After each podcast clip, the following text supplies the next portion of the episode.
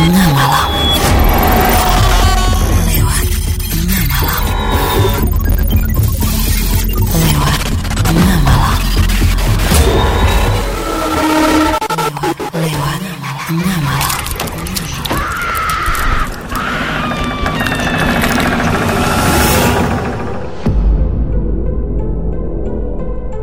Hai, selamat tengah malam buat kamu yang hari ini lagi mendengarkan podcast lewat tengah malam.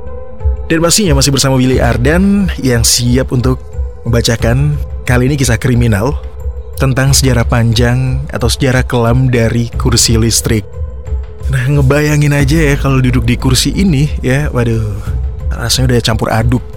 Banyak kisah kelam mengenai sejarah panjang dari eksekusi mati di kursi listrik. Jadi jangan sampai kelewatan buat kamu mendengarkan episode 29 hari ini di podcast lewat tengah malam.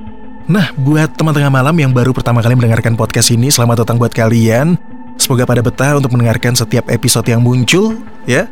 Jangan lupa podcast ini juga muncul di Senin dan Kamis malam, tepatnya di jam 9 malam, jadi tongkrongin karena bakal ada updatean-updatean terbaru. Buat kamu yang belum follow Instagramnya, langsung aja di follow di malam dan juga di follow podcast lewat tengah malam di Spotify dan juga di Anchor.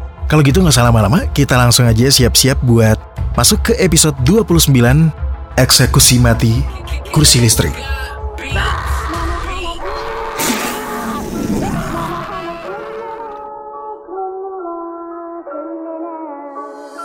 Mama, I'm a criminal. Mama, I'm a criminal. Mama, I'm a criminal. Lewat tengah malam. Teman tengah malam, sejarah mencatat 129 tahun lalu, tepatnya 6 Agustus 1890, awal zaman baru bagi sejarah kriminal, di penjara Auburn di New York, Amerika Serikat, seorang terpidana bernama William Kamler dihukum mati. Dan ini pertama kalinya menggunakan hukuman duduk di kursi listrik. William Kamler dieksekusi mati karena membunuh pacarnya Matilda Ziegler dengan kapak.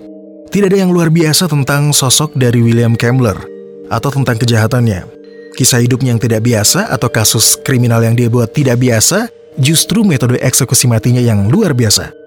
Nah, berikut ini kisah kematian William Kamler yang dikutip dari crimescribe.com. Sebelumnya, bentuk hukuman mati bagi orang Amerika itu adalah digantung, ditembak, ditenggelamkan, bahkan juga dibakar. Tetapi tidak ada yang pernah disetrum di atas kursi listrik. Setelah William Kamler tewas di atas kursi listrik, muncul banyak perdebatan tentang apakah metode ini harus dilakukan lagi. Tapi akhirnya pada masa itu jenis hukuman kursi listrik dipandang lebih beradab daripada hukuman gantung. Bahkan sejarah mencatat ada lebih dari 4.000 sengatan listrik dalam sejarah hukum Amerika sejak eksekusi pertamanya William Kamler. Dan ini menjadi pilihan untuk penjara-penjara Amerika melakukan pengendalian para kriminal kelas berat. Dulunya di sejumlah negara bagian Amerika membuat tiang gantungan untuk memberikan hukuman mati kepada terpidana. Tapi rupanya juga mencoba untuk inovasi-inovasi baru, yakni hukum mati di kursi listrik. Seorang algojo asal Inggris bernama Albert Pierpoint pernah secara terang-terangan mengecam orang Amerika dan perangkat eksekusi mereka yang mengerikan. Lantas, dari mana sebenarnya datangnya ide kursi listrik? Ide sengatan listrik datang dari seorang dokter gigi, Alfred Southwick dari Buffalo, New York. Alfred telah melihat begitu banyak terpidana yang mati dalam sekejap. Sebagai pendukung setia hukuman mati, Alfred memutuskan untuk membuat teknologi baru yang dapat dipakai untuk membunuh orang dengan cara yang lebih cepat. Dia akhirnya berpikir untuk membuat kursi dengan tali pengikat dan ini menjadi cara terbaik untuk mengalirkan arus listrik ke narapidana.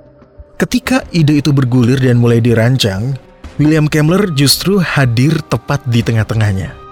Artinya, saat itu William Kamler memang terpidana mati. William Kamler seorang pemabuk yang kejam, dan akhirnya dia dipilih sebagai orang pertama yang harus merasakan hukuman mati duduk di kursi listrik. William Kamler ditakdirkan untuk mengambil tempat utama dalam sejarah kriminal eksekusi kursi listrik. Tepatnya di lokasi penjara Auburn, Edwin Davis membantu menyempurnakan sentuhan terakhir pada kursi listrik. Edwin Davis adalah kontraktor listrik yang memenuhi syarat di penjara Auburn dan juga merupakan pilihan yang sempurna untuk menjadi eksekutor. Bahkan Davis juga melatih dua anak didiknya, John Hartbert dan Robert Elliot untuk berperan juga sebagai algojo. Dan akhirnya ketiga pria ini dalam sejarah eksekusi mati nantinya akan mengeksekusi lebih dari 700 tahanan. Pada tanggal 6 Agustus 1890, kursi listrik telah dipasang dan dihubungkan ke generator penjara dan segera diuji coba. Petugas sipir Charles Darston segera membangunkan William Kemmler pada pukul 5 pagi. Dia memberikan sarapan terakhirnya dan menyuruhnya untuk berpakaian rapi. Tepat pada pukul 6 lebih 30 menit pagi, ritual suram dimulai. William Kemmler dibawa ke sebuah kamar. Di hadapan 17 saksi, termasuk tiga dokter dan banyak wartawan. Dia ditanya kata-kata terakhirnya. Dia sempat berucap, tenang, dan lakukanlah dengan benar. Aku tidak terburu-buru.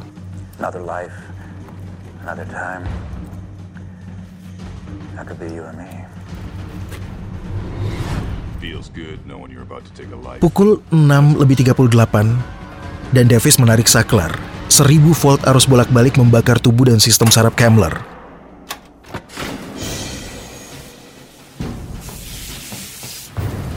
Setelah 17 detik daya dimatikan, Dr. Charles Spitzka melangkah maju untuk memastikan apakah Kemmler sudah meninggal atau belum. Namun kenyataannya tidak, Kemmler masih bernafas. Sang penemu kursi listrik Dr. Gigi Alfred Sotwick dengan bangga berdiri di hadapan para saksi. Di depan tubuh Kemmler, Sotwick mengucapkan kata-katanya, Tuan-tuan, kita hidup di peradaban yang lebih tinggi dari hari ini. Dr. Spitzka kemudian buru-buru membahas apa yang harus dilakukan. Solusi yang jelas secara alami adalah menggandakan atau menaikkan tegangan dan menambah durasinya. Dia bilang, biarkan arus dihidupkan lagi. Cepat, tidak ada penundaan. Arus dihidupkan dengan cepat selama satu menit penuh, 2000 volt disengat ke tubuh Kemmler. Rambut Kemmler yang tersisa seketika hancur. Dagingnya hangus melepuh. Pembuluh darahnya pecah di bawah kulitnya, menyebabkan dia mengeluarkan darah melalui pori-porinya. Bau asap dan bau daging terbakar yang tidak enak segera memenuhi ruangan. Sementara para saksi mencoba keluar dan menggedor pintu yang terkunci. Beberapa dari mereka pingsan dan terjatuh di lantai. Saat itu dipastikan Kemmler tewas setelah uji coba dua kali disetrum. Surat kabar di dunia pun bersaing untuk memberitakan kisah hukuman mati pertama dengan eksekusi di kursi listrik yang paling mengerikan dalam sejarah eksekusi di Amerika Serikat saat itu.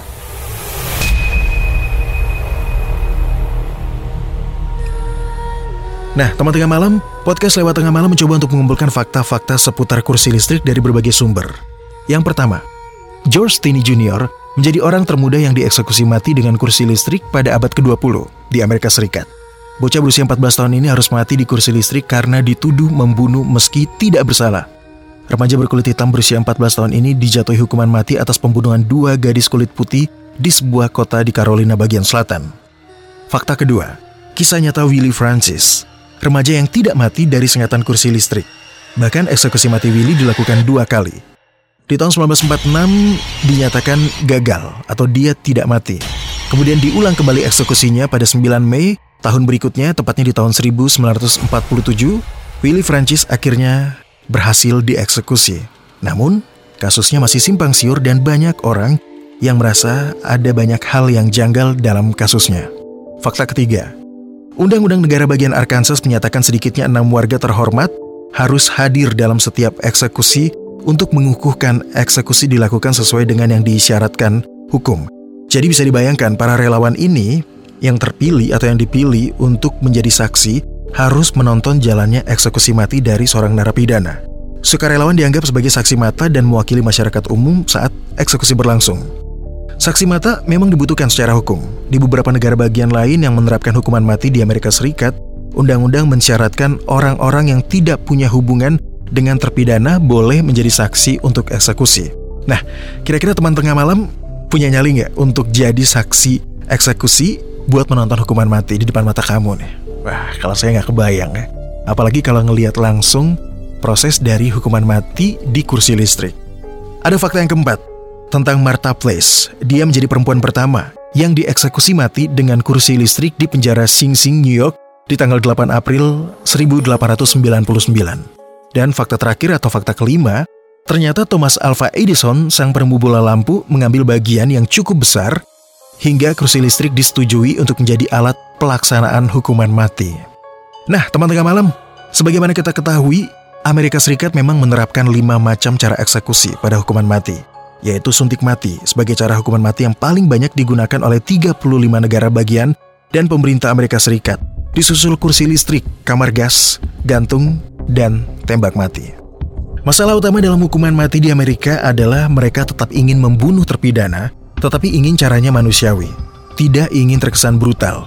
Tapi ini jelas kontradiksi ya, teman tengah malam. Kalau melihat eksekusi mati, memang caranya, aduh, sungguh mengenaskan gitu ya. Apalagi zaman dulu tuh ada yang dipancung dengan pisau besar, algojo, memenggal kepala, kemudian juga hukuman gantung yang umum banget ya, tembak mati. Bahkan sempat juga ada kasus narapidana eksekusi mati yang memilih untuk duduk di kursi listrik daripada disuntik mati. Apa pun caranya ya tetap aja mati ya, tapi ya mau gimana lagi kalau memang persidangan memutuskan perkaranya bahwa sang terpidana harus dihukum mati.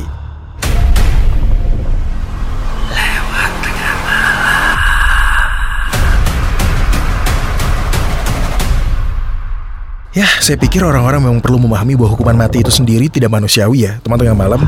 Oke, kalau gitu kita akhiri episode 29 sampai di sini dulu.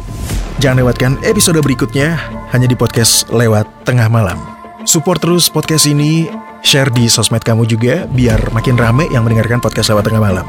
Saya Willy Ardan harus menutup episode ini dengan ucapan selamat tengah malam.